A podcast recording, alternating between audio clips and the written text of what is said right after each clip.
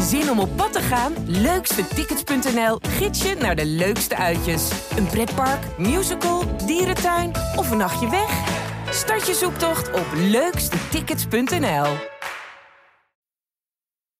Dit is een aanslag op onze rechtsstaat. Wiersum was de advocaat van Nabil B., kroongetuige in het liquidatieproces rondom topcrimineel Ridwan Taghi. Elke moord is heel erg, maar als deze moord te maken heeft met de verklaringen die zijn afgelegd door de kroongetuigen, is het nog erger. Welkom bij de Taghi-podcast van Het Parool. Mijn naam is Corrie Gerritsma en naast me zitten zoals gebruikelijk misdaadverslaggevers Wouter Laumans en Paul Vugts. Welkom heren. Uh, in deze aflevering gaan we het hebben over terreur, narcoterreur. Maar eerst moet het misschien over iets hebben waar iedereen het gisteren over had. Uh, jullie zijn volgens mij de afgelopen dagen heel veel gebeld door talkshows om daar te komen vertellen over de kwestie Amalia. Maar ik heb jullie daar niet gezien en ook in het parool er niet veel over gelezen. Leg uit. Is het een zijpad? Paul en ik beginnen nu allebei bedenkelijk. Ja, jullie kijken een beetje ongemakkelijk. We zijn er ook een beetje ongemakkelijk over. Ja, maar kan je uitleggen waarom? Uh, nou, dat heeft te maken met de aard van de informatie uh, over Amalia. Kijk, het wordt nu als een soort fait accompli behandeld. Hè? Dat, het, dat het zo is. Je laat even nog zeggen, want het feit is dat haar ouders, koning Willem-Alexander en koningin Maxima, hebben gezegd... Amalia woont weer thuis en niet in Amsterdam, omdat ja. er bedreigingen zouden ja, zijn. Ja, ze, ze, wordt zwaar beveiligd heeft geen leven, geen studentenleven, wat ze eigenlijk wel zou moeten beginnen. Dat is buitengewoon triest uh, voor haar. Maar wat we niet weten, is de aard van de informatie die daaronder ligt, waarop die dreigingsanalyse is gebaseerd. En er is medio september in uh, media gesuggereerd uh, dat de Mokro-maffia hier uh, achter zou zitten. Dat er een plan zou zijn om haar te ontvoeren of een aanslag op haar te plegen. Zoiets is een jaar eerder ook al over Mark Rutte gezegd. En ook dit jaar ja. trouwens weer. Um, maar dat is verder volstrekt niet onderbouwd. Dat blijft dan in de lucht hangen. En het probleem is dat je dan... Uh, dus wij weten niet wat nou precies de informatie is op grond waarvan de analyse is dat zij zwaar beveiligd moet worden. Mm-hmm. Vervolgens is er enorme ruis in de media over uh, wat er aan de hand zou zijn. En inderdaad, zoals Wout al zegt, wordt een beetje als, uh, als vast uh, verondersteld dat de Marokkaans-Nederlandse onderwereld het op haar voorzien zou hebben. We hebben geen idee waar dat vandaan komt, hoe hard dat is. En de NCTV, de... Uh, die, die hier boven hangt, allemaal die die beveiliging moet coördineren. Ja. Nou, die heeft een notoir uh, uh, slechte informatiepositie. Dus je weet ook niet in hoeverre het serieus te nemen is. Maar, nou, maar uiteraard wacht even, neemt de staat het wel serieus. Wat dacht je? Want wij, wij hebben vaak contact. Hè? Jullie onderling? Of nou, ja, aan de lopende band natuurlijk. Ja. Maar op zaterdagochtend hè, in de Telegraaf stond toen het bericht... Amalia, mm-hmm. mogelijk doelwit. Hè? Medio september, 17 ja, september. Ik weet nog wat ik dacht. Ik was er echt. Het was zo'n bericht wat mij echt verbaasde. Dat, dat ik dacht, huh? Omdat je daar niet eerder zelf al signalen over had opgevangen? Uh, A, maar ook omdat het uh, dat je denkt van oké, okay, dus in hoeverre zij doelwit en hoe, hoe zit dat dan? Dat is, ik bedoel, het riep bij mij behoorlijk wat vragen. En dat staat nergens. Dat, dat bericht was een, een hybride bericht. Uh, de eerste uh, alinea was aan zorgen omdat Amalia mogelijk doelwit zou zijn van de Mokro-maffia. We hebben het over die term hier eerder gehad, ik hou er niet zo van. het tweede, Excuus. het tweede alinea was, er zijn zorgen over Ridwan Taghi die contact heeft met Mohamed B., de moordenaar van Theo van Gogh natuurlijk, elke oppervlakkige lezer denkt, houdt aan dat bericht het gevoel over. Tachi jaagt op Amalia. Dat mm. stond daar helemaal niet. Um, en dat is later ook meerdere keren herhaald dat dat ook niet. Uh, niet het feit uh, is. Niet, nee, of we dat, weten het niet. Nee. Uh, maar het probleem is, dat, dat gaat dan een heel eigen leven leiden. Ondertussen hebben we de feiten. Amalia wordt zwaar beveiligd. Ja. En dat drukt enorm op, de, uh, op die jonge vrouw. En, en dat is verschrikkelijk. Daar kunnen we het allemaal over eens zijn. En dat is terreur. Dat is wat het, de staat van het land nu is. Dus ja. zoiets gebeurt. Uh, en, en, en ineens zijn we in de hoogste staat van paraatheid. En dat komt ook omdat wij... Uh, als maatschappij en ook als journalistiek eisen van de staat dat de, het uit is met de naïviteit en dat we serieus reageren ja. op uh, dreiging vanuit de zware criminele onderwereld, de narcoterreur. Dus het, het, is een, het is een vliegwieleffect dat niet meer te stoppen is. Maar we kunnen er ook van uitgaan toch dat er wel iets is, want anders zou ze toch niet zo opeens terug naar huis gehaald worden en zwaar beveiligd worden? Of is het voorzorg, voorzorg, voorzorg? Het probleem is, niemand neemt meer risico's. Ja. En dat is eigenlijk eh, na de dood van Peter R. de Vries is dat natuurlijk nog pregnanter geworden. Na de dood van Dirk Wiersum had iedereen zoiets, waarom is die man eh, niet eh, beveiligd? Daarna is het dus nog een keer gebeurd. Peter R. de Vries werd ook niet beveiligd. Daar, daar hebben we ook eindeloos over gepraat hier, maar die werd niet beveiligd. En daar is ook telkens de vraag geweest, jongens, jullie wisten dat hij zich bezig hield eh, met het bijstaan van de kroongetuigen. En waarom is daar niet een soort beveiliging? eh, eh, nou, als er nu ergens, hoe vaag ook, informatie uitgerold komt. Hè, bijvoorbeeld uit onderschepte PGP-berichten. We hebben het hier ook al vaker over gehad. Die ook veel ouder zijn nog, hè, van jaren geleden, toch? Kan, waarin Amalia over de tong gaat. In wat voor hoedanigheid ook. Dan gaan, dan gaan gewoon nu alle alarmbellen af. Daar kun je niet van zeggen van joh, ja, dat is waarschijnlijk eh, onzin. En dat is dus ook de moeilijkheid voor ons. Dat wegen van informatie. Je wil als journalist wil je informatie kunnen wegen. En daarvoor zul je A, die informatie of zelf gezien moeten Mhm. hebben. In welke hoedanigheid staat dat geverbaliseerd? Hoe, hoe zit Ja, dat? of heb je iemand gesproken? Of B, je moet iemand hebben gesproken die die informatie heeft gezien. Uit En dat, is, en dat is allebei nu niet het geval. Dus wa- wat je weet is, er is, er zal, eh, kijk John verzint dat niet. Er is informatie waarin zoiets, eh, Genoemd is. maar hoe moet je dat wegen? En dat vergeet iedereen ehm, in, dit, in deze hele discussie. Dat dat wegen zo extreem belangrijk is. En eh, bedoel, ik heb gisteravond ook naar Willem-Alexander en, en Maxima zitten kijken.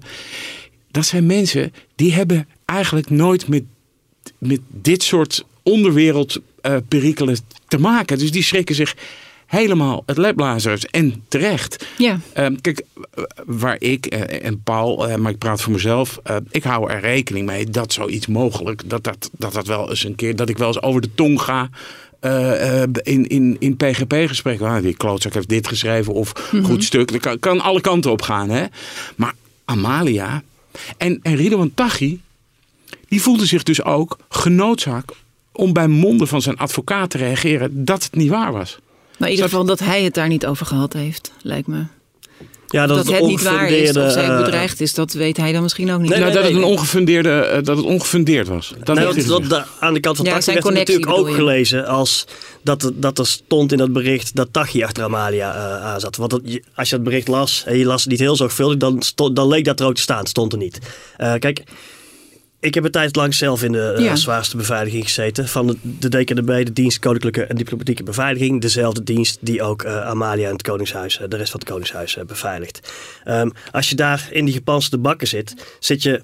die mannen zijn de hele dag bezig met scenario's bespreken. En dat, als je, de wereld vergaat zeven keer per maand, weet je maar wel. Je- scenario's over, over jouw dreiging. persoon? Of nee, over dreiging jegens Mark Rutte. Dreiging jegens de staat en zo. En dat- je wordt geacht natuurlijk dat een beetje...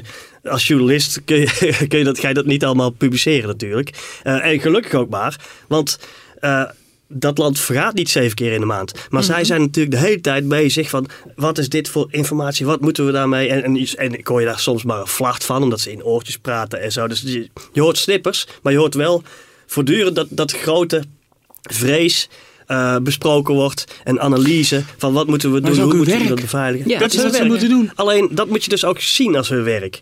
Mark Rutte bijvoorbeeld, die wil steeds minimale beveiliging. dat, dat weet iedereen. Nou, dat maakte ik ook mee. Dat, dat, dat, dat daar gewoon frictie over was. Van ja, hij wil weer niet. Ehm, en dat... eh, Wat ik begrijp, dat hè? Ik begrijp wel dat hij dat niet wil. Nee, ik ben- natuurlijk. En aan de Ja, maar je andere kant- begrijpt ook, als jij verantwoordelijk bent voor die beveiliging, dat je natuurlijk alles eraan wil doen om... En, en en dat, Anders hebben zij weer een dat is steek waar het schuurt. En dat, Corrie, dat is. Ik heb daar een half jaar in gezeten en een half jaar heb ik daarin geleefd. Hoe heb Dus jij dat gedaan, Paul? Hoe Nou, ben jij eruit gekomen? Nou, kijk, mijn grote voordeel was, en dat heeft het Koningshuis niet. Niemand gaat aan Willem-Alexander en Maxima en aan Amalia vertellen hoe het precies zit. Want die, er was afgeschermde eh, eh, informatie en zo. Dus zij krijgen maar snippers. Gisteren heeft het Koningspaar het ook gezegd. eh, in, de, in dat, ja, wat was het, een soort persconferentietje. Van, ja, als u meer eh, details wil weten, moet u de andere diensten bellen. Drie keer raden wat er gebeurt als je journalist die dienst gaat bellen natuurlijk. Je krijgt niks te horen. Maar goed, Ook, wij weten ook dat over de record niet hoor. Als, je, als je een beetje gaat zitten wel pogen. Nee. Nou, we hebben wel poging gewoon gedaan. we hebben een, een, een paar pogingen ondernomen en het was eh, 0,0. Nee, en in mijn situatie was het andersom. Ik had zelf heel veel informatie uit het milieu, rechtstreeks over de dreiging jegens mezelf. Ja. En op een gekke manier gaf dat rust. Want ik kon overzien dat het echt niet anders kon dan dat ik toen in de beveiliging ging, want anders zou ik worden doodgeschoten. Maar ik kon ook overzien, van als dit, dit en dit gebeurt, dan vind ik het zelf verantwoord om met eh, de overheid samen te gaan denken over het afbouwen van beveiliging. Dat gebeurde ook. Bij mij was het heel concreet. Het ging om informatie die in mijn hoofd zat. Als informatie waarover ik beschikte bij de staat zou komen, zouden bepaalde eh, groepen arrestaties eh, moeten verwachten en hele lange straffen. Nou, die, ik heb die informatie niet gegeven. Ik heb een tijd in die beveiliging gezeten, maar een half jaar in die beveiliging is op een moment worden er allerlei arrestaties verricht waar ik helemaal niets mee te maken heb op grond van die informatie waar het over ging. Dus hoeven ze mij niet meer dood te schieten, want die informatie is Die al is bij de al. staat. Ja. Dus zeg ik tegen eh, degene die erover gaan, nu is het moment waarop ik over eh, de beveiliging wil afbouwen, want het restrisico dat blijft toch. Dus je gaat in alle waterpijpcafés. werk. Door je werk. Sorry? Dat restrisico blijft gewoon Nou, dat door blijft het door het werk. werk. En doordat in alle waterpijpcafés bekend was, als je Paul Vugs doodschiet, kun je heel veel geld krijgen. Dat blijft. Niemand gaat de groene vlag hijsen van alles is over. Snap je? Ja. Alleen, wat mij rust gaf, is dat ik zelf precies wist hoe het zat. Aanvankelijk beter dan de overheid. En wat heel eh, naar is voor allerlei andere mensen in beveiliging, waaronder het koningspaar en Amalia, is dat zij het fijne er niet van te horen krijgen waarschijnlijk. Maar dat blijft dus ook zo ingewikkeld. Dat je, jij zegt, Wouter, je moet dat heel goed kunnen wegen. Ja. En wij, of, of het Koningspaar is ook niet. En wij als lezer of als Amsterdammers of als Nederlands kunnen dat ook niet. Nee. Want wij varen dus op die berichten in kranten en op tv Ja. en in de talkshows. En je denkt, wel, als het overal besproken wordt, is het echt heel ernstig. En dat vinden wij ook allemaal eng. En daarom hè, is er nu, vind in mijn, eh, naar mijn bescheiden mening, is er wel een extra plicht eh, aan de NCTV om dit bericht te verifiëren of te falsificeren. Ik zag gisteren een, eh, een soort statement van de eh, justitieminister Jessilgus. En die zei, ja, over de aard van de berichten kunnen we geen, eh, geen uitlatingen doen. Toen dacht ik, ja, wacht eens even. Dat is wel lekker makkelijk, hè. Dat meisje, die heeft, en dan onze kroonprinses moet ik dan zeggen, die heeft natuurlijk geen idee wat er met haar aan de hand is. Ja, en dit is een informatie. Maar ja, we weten, we gaan er verder geen uitlatingen over doen. Het gaat over het toekomstig staatshoofd van Nederland. Dit, di- hier is een maatschappelijk belang. Dat de NCTV gewoon uitzoekt, klopt dit nou of niet? maar dat en- gaan ze niet Maar het doen. kan En dan gaan een ze tijdje niet duren? Nee, maar dit is, dit is natuurlijk een ritje zonder eindstation. Hè? Wa- wa- Wat er gebeurd is in die organisatie is van... Ja, nou ja, we- we weten het niet zeker. Dus wat Paul net zegt, een groene vlag wordt niet Nee. gehezen. En die komt misschien nooit meer bedoel Nee, en dan Nee, en- krijg je het verder, verderfelijke bij twijfel niet inhalen. Ja. En dat begrijp ik. Kijk, van de beveiligingsinstanties begrijp ik dat heel goed. Dat is hun werk. Bij Ja. twijfel niet inhalen. Zorg dat de te beveiligen persoon veilig blijft ten alle tijden. Dat, dat is legitiem. Alleen al diegenen die eromheen hangen en daarboven, bijvoorbeeld de NCTV, die mensen in streepjes pakken, ja, die hebben vaak geen idee. En die doen wel gewichtig, maar die gaan het jou niet vertellen. En dat is ook een grote frustratie voor andere mensen die in de eh, beveiliging zitten. Eh, je moet maar het regime ondergaan dat je opgelegd krijgt. Voor je En- eigen bestwil. voor denk je eigen vaak, best ja. wil. Misschien, misschien niet. Je weet, je kunt het zelf, je, mag zelf, Mhm. je wordt zelf niet als serieuze gesprekspartner eh, gezien. En daar hamer ik altijd. Ik mag wel eens eh, bij cursussen eh, van, beveiligers vanwege mijn ervaringen lesgeven. En ik hamer er altijd op. Behandel de te beveiligen persoon als gesprekspartner. Neem diegene serieus. Praat met diegene. Alleen dat kan natuurlijk. Amalia zit zelf helemaal niet in die wereld. eh, d- Nee, maar goed, we weten toch ook niet, hoe, we weten ook niet goed hoeveel informatie zij heeft of hoeveel Het is, nee, maar het is doodeng. Wa-. Want ik bedoel, Ja. wat weet Amalia nou hiervan? Die, die, die, die- misschien heeft hij eens een keer een televisieserie gezien. Of die Nee, oké, zich maar dat weet niemand hier wat van, behalve de, de misdaadjournalisten Nee, maar- eigenlijk, of Nou de ja, mensen zelf uit het Ja, milieu. maar daar, daar, daar moet dus rekening mee gehouden. Daar moet rekening mee gehouden worden met die, met dat. En want laten we wel wezen, zij heeft misschien zes jaar. En dan zit ze in die hele malle molen van, dat, van die malle monarchie. Ja. Weet je wel? Die heeft, die heeft een window of opportunity van zes jaar. Dat ze enigszins een normaal leven kan leiden in eh, Amsterdam. En dat is ook met allemaal camerabollen aan een huis. En een apart parkeerplek voor de deur. En allemaal gekte. Weet Ja. je wel? Maar dit is, dit is de enige normale jaren die zij eh, heeft. En daarom kan je hier niet mee. Er is echt wel een heel groot belang om daar echt duidelijkheid over te verschaffen. Want anders dan blijft dit maar doorgaan. Ja. Onze luisteraars mogen denk ik best weten dat wij voorafgaand aan deze opname hevig debat hebben gehad over hoeveel aandacht we aan deze kwestie moeten eh, besteden en hoe Omdat je ook kunt denken, alles wat je Ja. aandacht geeft, blijft groeien. En dus de, de reden waarom wij hierover praten, is juist die nuanceringen aan te brengen. Ja. Van, eh, ja, dat het A, het valt niet te nuanceren dat het verschrikkelijk is voor Amalia Ja. en, en haar ouders. Eh, maar aan de andere kant dat we zo weinig weten. En dat naarmate er meer in alle media eh, allerlei verhalen, ongefundeerde verhalen eh, blijven rondzingen, dat het er niet beter op wordt. En Maar dit dat maakt het ook lastig, eh, want ik werk natuurlijk ook nog bij het Parool als ik niet deze podcast maak. En dan krijg ik aan Zeer de andere kant van onze online snelle nieuwsjournalisten eh, ook de vraag van... hé, hey, er verschijnt in, dit, dit, eh, in deze krant iets of hier op ANP of daar een gerucht. Moeten we daarover schrijven of niet? En het is echt een moeilijke afweging. Als het gesprek van de dag erover gaat, wil je er ook aandacht aan besteden. En jullie zijn natuurlijk de enige bij ons die dat kunnen nuanceren en wegen. Wij, ja. dat, wij zijn de hele dag bezig met wegen. Wat is hè, gisteren? Alleen hier weten we ook het feit niet van, hè, van deze kwestie. Nee. Er is nog een kwestie waar we het dan over kunnen hebben, over wegen gesproken. Want er was ook gisteren, terwijl jij in de rechtszaak zag, rechtszaal zat, Paul, waar we het zo meteen over gaan hebben, was opeens het bericht dat de EBI in Vught, dat daar allemaal extra beveiliging en tientallen agenten heen waren. Hoe moeten we dat dan wegen? Eh, bij al dit soort berichten gaat het licht aan in het kippenhok. Dus alle kippen gaan. Oh jeetje, wat, wat, wat gebeurt er nu weer? Wat is er nu toch weer aan de hand? En de, de zaak Peter R. de Vries en, en de EBI. En nou, dan wordt één en één bij elkaar opgeteld. Wat iedereen denkt op dat moment is. Tachi is aan het uitbreken. Ja, of in ieder geval, niet gezegd. er wordt een plan voor gemaakt. Nee, maar daarom, hè, en dat is ook, daar wilde ik nog heel even iets over zeggen. Dat is ook waarom wij, of althans ik, vaak nee zeg tegen eh, talkshows. Ik vind het prima om over dingen te praten. Eh, op ooghoogte, genuanceerd. En niet in En en, en soundbitejes van vijf minuten. waarin we de, de, het scheetje van de dag Mhm. even gaan bespreken. En dat je vervolgens aan tafel zit met allemaal mensen die er, die er niks van af weten. En die zeggen het is heel erg. Ja, maar verder kom je toch ook niet? De grap Ja. was dat.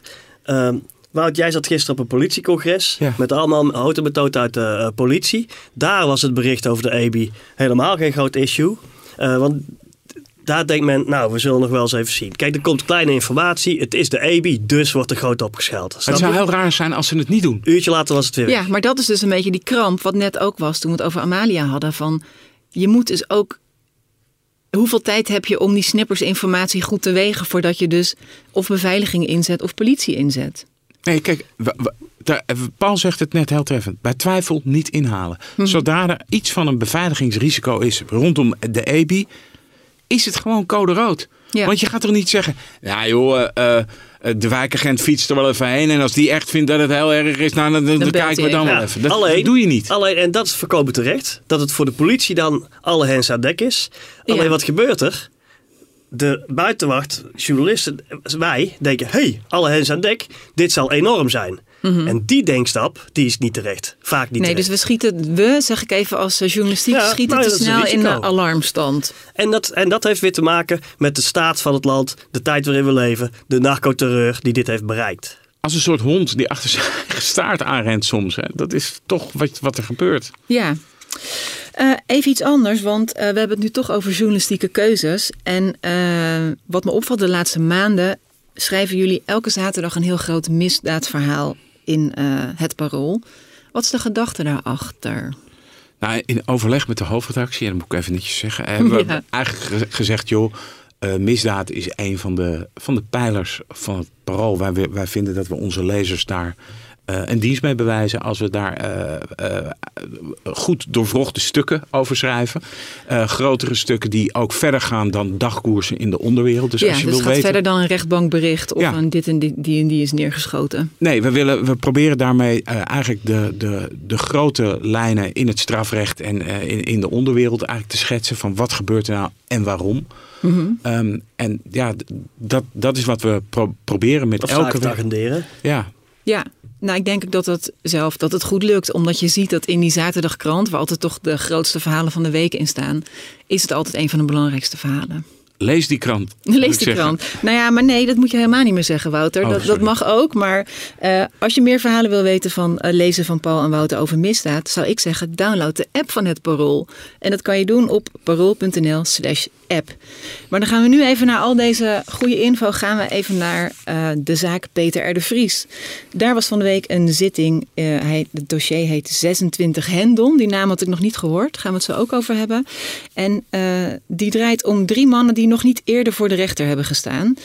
En in die zaak werd het woord terreur ook expliciet genoemd, Paul. Jij zat in de rechtbank. Ja.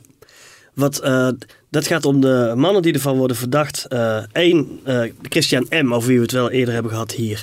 Die zou van afstand via die versleutelde Google Pixel telefoon de uitvoerders van de moord die dag en de dag ervoor rechtstreeks hebben aangestuurd. Ja, en over die twee uitvoerders, dat is een aparte zaak. Ja, hè? die zaak loopt ja. al. Daar is al levenslang tegen allebei geëist. Die zaak is stilgelegd omdat geen uitspraak kan worden gedaan, omdat er een nieuwe getuige kwam. Laten we het niet te ingewikkeld maken, dat ligt nog. Mm -hmm. uh, deze zaak gaat tegen dus uh, Christian M., die de aanjager van die uh, aanslag zou zijn geweest. En twee Antillianen, die Peter R. de Vries en de achteruitgang van RTL Boulevard Studio in de Lange Leidse Dwarsstraat zouden hebben geobserveerd. En die toen Peter R. de Vries op 6 juli naar buiten kwam na de uitzending van RTL Boulevard, die ook achter hem zijn, uh, zouden zijn aangegaan. Of zijn aangegaan, dat staat wel vast, camerabeelden. Zij wachten in de McDonald's. Ze zijn, zodra hij uh, richting zijn auto liep door de Lange Leidse Dwarsstraat, zij zijn door de nooduitgang van de McDonald's naar buiten gegaan, achter hem aangelopen. Toen uh, kwamen de knallen, toen is hij neergeschoten verderop. Toen zijn zij gaan rennen naar de plek, maar niet om Peter R. de Vries te helpen, maar om filmpjes te maken van hem, volgens het Openbaar Ministerie. En die filmpjes zijn meteen online gekomen op social media. Mm -hmm. En dat is buitengewoon schokkend. Dan zie je Peter Zwaar gewond op straat liggen. Uh, en het Openbaar Ministerie stelt uh, dat zij dat hebben gedaan met het oog. Uh, met een terroristisch oogmerk. Dat zij deelnemen aan een criminele organisatie met terroristisch oogmerk. Zoals we hier eerder al vaker besproken hebben in onze podcast.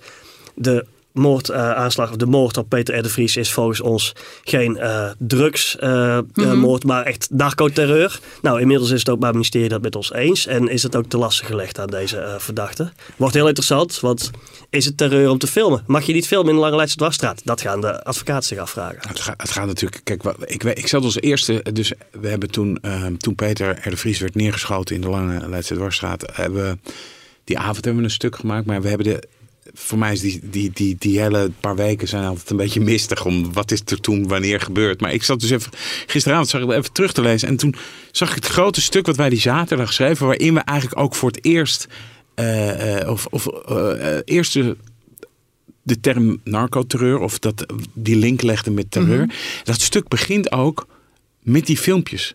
Die filmpjes die toen razendsnel van telefoon naar telefoon gingen. En uh, in diverse media, ik kan me uh, geen stijl, die website, is er toen heel uitvoerig ook op ingegaan. Was eigenlijk al, werd er eigenlijk al gelijk gesuggereerd. Dat gaat wel heel snel, jongens. Ja, dus, dat, het, dat het iets anders is dan een omstander die een ongeluk filmt, ja, zeg maar. En het, het, de, de vraag die uh, Paul natuurlijk opwerpt is van, is dat mag je soms niet meer filmen. Hè? Daar zullen advocaten en, en, en het Openbaar Ministerie ongetwijfeld de degens over gaan kruisen. Het gaat om het oogmerk. Ja, maar ik wil zeggen, als je wordt ingehuurd je, om dat ja. te filmen, een liquidatie te filmen. Of maar oogmerk is moeilijk te bewijzen. Ja. ja. Nou, dat, dat, dat daar zijn we ook nog niet. Hè? Dus, dus je hebt in deze zaak, dit was een inleidende zitting. Dus al die details zijn nog maar sumier aan de orde gekomen. Wel stelt het Openbaar Ministerie dat deze twee mannen uh, gelijk op zijn gereden uh, vanuit Rotterdam naar Amsterdam met de uiteindelijke schutter uh, volgens het Openbaar Ministerie Delano G. en mm -hmm. Camille E. We hebben het vaak over gehad. Uh, dus dat ze echt als, als bondje, als, als ploegje naar Amsterdam zijn gegaan. Dus, en de een met de reden, met uh, het doel Peter doodschieten uh, en de chauffeur uh, moest dat de woorden wegbrengen. En de andere met het doel nog een keer observeren, in gaten houden, erachteraan en die filmpjes maken. Als, uh, um, om om de, de maatschappelijke schok zo groot mogelijk te laten zijn. Um, je, er zijn duidelijke aanwijzingen wel dat die verdachten elkaar kenden en zo. Dat er ook weer met een andere pol contact was met deze uh, Antillianen. Um, en, en het Openbaar Ministerie gaat dat schetsen als een één criminele organisatie die, de, die dit allemaal als oogmerk uh, heeft gehad. Ja. Uh, en er is gisteren voor één van de twee Antilliaanse verdachten uh, vrijlaat, opheffing van de voorlopige hechtenis gevraagd. En dat heeft de rechtbank afgewezen met toch wel best ferm. Dus degene die niet heeft gefilmd. Dus mm -hmm. van die twee Antillianen heeft eentje. Maar die heeft alleen maar meegelopen, wat we nu weten. En het, de rechtbank heeft daarvan gezegd dat alles wat op zijn aan, dat er, zo, zo heet dat, ernstige bezwaren zijn voor alles op zijn aanklacht. Voldoende aanwijzingen voor het hele rattenplan plan wat het OM hem te last legt bij deze stand van zaken om nog in de cel te houden. Maar ik zat net te denken, want stel dat, misschien gaan we een beetje te hard hoor, maar stel dat die twee uh, Antillianen alleen inderdaad gefilmd hebben. Ehm, hoe zwaar kan je dat bestraffen? Oh, dan als jij. Terroristisch oogmerk. Dat zijn, dat zijn stevige straffen die daarop staan. Ik heb de jaren, eh, de jaren niet, maar dat zijn dan is, is een strafverzwarende, is een stra, iets strafverzwarend, hè? Dus ja, terroristisch dus dat, oogmerk dat, is. Dat wordt dus heel belangrijk in deze zaak, ja, om, als het er aangehangen kan en, worden. En deelname aan de criminele organisatie is ook op zichzelf uh, levert straf op. Uh, maximaal zes jaar en als je het leidt negen jaar. Maar nee, het gaat er heel erg om.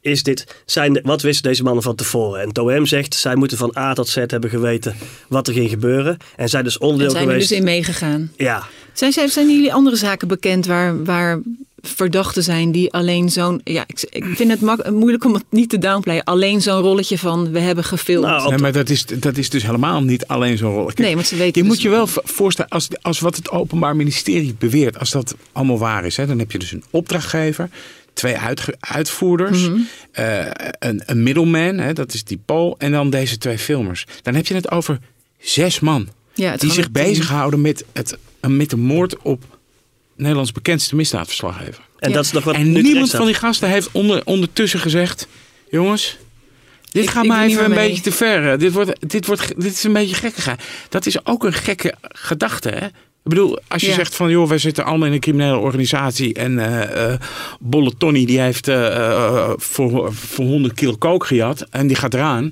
Dat is wel een ander, ander iets dan dat je gewoon zegt, joh, die Peter R. de Vries die houdt zich bezig met eh, die, die, die, die broer van die, eh, eh, van de, de kroongetuige, sorry. Ehm, en, die, en, die, en dat gaan we doen. En, we, en daar zitten zes man en dus nog een opdrachtgever. Dus hoeveel mensen zich daarmee bezighouden. Dat is een beangstigend idee, vond ik. En dat is nog het groepje dat nu dan in de rechtbank zit. Daar hangt natuurlijk nog meer boven. Kijk, eh, het is helemaal geen geheim dat iedereen ervan uitgaat, ook binnen het Openbaar Ministerie en andere opsporingsdiensten, dat Ridwan Taghi uiteindelijk die opdracht heeft gegeven voor de moord op Peter R. de Vries. Ja. Eh, de ja, eigenlijk. Hè. De groep. Nou ja, al dan niet vanuit die open lijn uit de, uit de EBI, daar hebben we het wel vaker over gehad hier. Ehm, er is informatie dat boven deze Christian M., die dus die dagen rechtstreeks de eh, moorduitvoering zou hebben aangestuurd, dat er nog ene Jarki, eh, klinkt ook weer Pools, eh, zou hangen. Er zijn nog twee andere Polen. Eh, eentje wordt vandaag voorgeleid aan een onderzoeksrechter die is recent gearresteerd in Polen. Die zou ook met die Google Pixel telefoon in de weer zijn geweest en ook contact hebben gehad met die andere eh, verdachten. Dan is er nog een andere Pool uit Oost-Brabant, die nog eh, Christopher W. eh, die zou ook een rol hebben gehad bij de voorbereiding. Die zou niet hebben kunnen meedoen misschien aan de uitvoering van de moord, omdat hij eind mei werd gearresteerd voor een oude straf. Maar hij zou vanuit de bias telefonisch contact hebben gehad nog met die Antillianen. Dus er er hangt een hele groep Polen eh, nog om deze Kunnen kwestie we, heen. ja, dat valt wel op dat het nu over een groep Polen gaat. Is er iets Ja. te zeggen over de. eh, want er wordt toch vooral gezegd dat de groep rondom eh Ridwan Taghi. dat dat veel eh, Nederlandse Marokkanen zijn, Marokkaanse Nederlanders. Ja. En nu hebben we opeens een groep Polen. Ja, dat is, dus, dat is ook inderdaad wat een beetje boven die markt hangt. Hè? Eh, wat, je, wat je dus ziet is, we hebben eerst eh, de 26 kopergroep gehad. eh, en, en, en nu zijn we vier groepen later, of drie groepen later, zijn we uitgekomen bij Polen. Dat is dus ook dat je denkt, oké, waar komen die Polen opeens vandaan? En eh, het wordt niet met zoveel woorden gezegd, maar het is een beetje het gevoel wat wij eraan overhouden. Die Polen, eh, een aantal van die Polen hebben op enig moment in Tiel eh, hebben die, zijn die verbleven. En die hebben vastgezeten met een aantal figuren uit die vermeende criminele organisatie van Ridwan Taghi. En dat is eigenlijk hoe die opeens in, in beeld zijn gekomen. Ze komen allemaal, of een aantal van hen, die komen uit een plaatsje eh, bij de, dicht bij de Oekraïnse grens. Dus die kennen elkaar al lang. Eh, en ik denk dat ze als een soort, ja, hoe zeg je dat? Wat je ook wel eens hebt met een groep Poolse stucadoors die dan naar Nederland zijn gekomen om, om te werken. Dat dit ook een soort, ja, crimineel uitzendbureau. Ik vind het altijd een ingewikkelde term. Maar ik denk wel dat je het zo een beetje moet zien. En daar zitten dus gewoon dwarsverbanden daar. Kijk, dat, dat Tiel en, en Vianen en zo, dat is eigenlijk waar de... Maurik. waar- Maurik, dat is waar de groep eh Taghi eigenlijk zijn, zijn, Zijn wortels heeft, Zijn wortels ja. heeft ja. Maar het is ook wel grappig om te zien, want deze groep zit dan, dan zitten ze ineens weer in Delfzijl in een woning en in Rotterdam en zo. Dus ze verspreiden zich ook nog over Nederland, samen met weer andere eh, verdachten. En als je de helikopter iets laat opstijgen, eh Wouter hint er al eh, op. We hebben in 2015 een grote wapenfonds gehad in Nieuwegein. Heel veel oorlogstuig. En toen kwam de 26 Kopergroep. En dat, de, dat is de naam van het onderzoek. Dat was een groep die, uh, waarvan uiteindelijk alle uh, belangrijkste verdachten zijn uh, veroordeeld. voor het voorbereiden van liquidaties. in opdracht van de groep van Ridwan Taghi. Mm -hmm. Dat is één. dan heb je later Marengo. Dat speelt nog. Dat is ook een groep die van allerlei liquidaties. in opdracht van Ridwan Taghi wordt beschuldigd. Dan hadden we de zaak Eris, de Calawago motorbende. die het zou hebben overgenomen van de Marengo-verdachte op een moment. Januari 2017. Uh, dus dat zou zeggen doodseskader nummer drie uh, zijn, als je het even een beetje ja. populistisch uh, uitdrukt. En dan hebben we hier de Polen, die weer zo'n soort groep lijken te zijn geweest, die dus klussen zou hebben gedaan voor die groepering. En nogmaals, alles moet nog maar bewezen worden. Hè. We zitten heel pril en wij ja. stellen hier alleen wat opsporingsdiensten voor beeldschetsen. Ja. Um, maar dan, dan zou je dus steeds opnieuw dan, dan, is het de ene organisatie met moorden tot oogmerk uh, uh, zit vast. Dan gaat het over, of, of is het in elk geval in de problemen. Gaat het over naar een andere, die raken weer in de problemen. Gaat het weer over naar een andere, die ja. raken weer in de problemen. En zo komen we bij Polen. Als uitzend, een soort uitzendbureau. Ja. En de vraag is dus, natuurlijk, je weet niet wat je niet weet. Maar wat gebeurt er dan nu? Wie het volgende eskader is bedoel Nou ja, ik bedoel, het is dus wel zo dat je, uh, het, het stopt dus kennelijk niet. Het is ook een trein zonder eindhalte, een ritje zonder eindhalte, Wouter. Nou ja, dat is dus, hè, dat is dus de staat van Nederland op dit moment. We zijn met z'n allen zitten we in een soort, uh, ja, we hebben het over narcoterreur en we, misschien zitten we ook in de staat van narcoparanoia. om, inmiddels wordt er van alle kanten beleid uh, gemaakt op, op, op, op dingen die te maken hebben met, met, met dit hele verhaal. Mm -hmm. En um, ik vraag me wel eens af van ja, hoe uh, hoeveel helikopterview is er bij uh, beleidsmakers? Kijk, dat wij in dit allemaal zitten te, zitten te roeren en te doen. Uh, dat is ook ons werk. Maar gaan we nou. Hè, je weet dus nu ook met zo'n kwestie Amalia, waar het aan het begin van het programma over ging. Je weet dus nu, wordt nu, is nu steeds meer ook draagvlak voor extreem, extreme maatregelen. Mm -hmm. Snap je? Dat is ook wat er aan het ontstaan is. En daar hebben wij ook een, uh, een rol in. En dat moeten wij ook weer controleren. Maar daarmee verandert ook een beetje het werk van, uh, van Paul en van mij. Van dat je veel meer ook gaat kijken van joh, wat ik opschrijf. Wat, wat voor gevolgen heeft dat straks voor wetgeving bijvoorbeeld. Mm -hmm. Snap je? Tenminste, voel jij dat ook zo? Ja, Paul? ja het, is, het is dans op een slap koord. Kijk, enerzijds zijn wij heel erg, ook Wouter en ik uh, aan het hameren op overheid. Hoe lang ben je wel niet naïef geweest? Eerst moest misdaadblogger Martin Kok worden vermoord. Toen de broer van de kroongetuigen. Toen Dirk Wiersum, de advocaat van de kroongetuigen. Toen Peter R. de Vries. En hè hè, er zijn een paar mensen in Den Haag wakker geworden. Dat is, dat is wel een beetje een lijn die we soms ja. ook hebben ingenomen. Nu zitten we in een situatie waarin elke scheet uh, tot enorme uh, fus uh, kan leiden. Wat weer op zichzelf een uh, pervers gevolg is uh, van, van die narcoterreur. Dus ja. we zitten, het is heel moeilijk om te manoeuvreren, zowel voor ons als voor de beleidsmakers, als voor de beveiligers, in dat, in dat spel. Doe je te veel, doe je te weinig. Uh, en als je te weinig doet, kost dat levens. als je te veel doet, verziekt dat levens onnodig. Ja. Dat, dat is nou ja, dat is het speelveld waarin wij ons uh, uh, voorlopig zullen blijven uh, begeven. En dan zal het hier in de Tachi podcast helaas ook vaker over moeten gaan nog. Dank heren. Hiermee zijn we aan het eind gekomen van deze aflevering van de Tachi podcast. Heb je een vraag? Mail die dan naar tachi.parool.nl. Bedankt weer Paul en Wouter. Mijn naam is Corrie Gerritsma. Dank voor het luisteren en graag tot de volgende keer.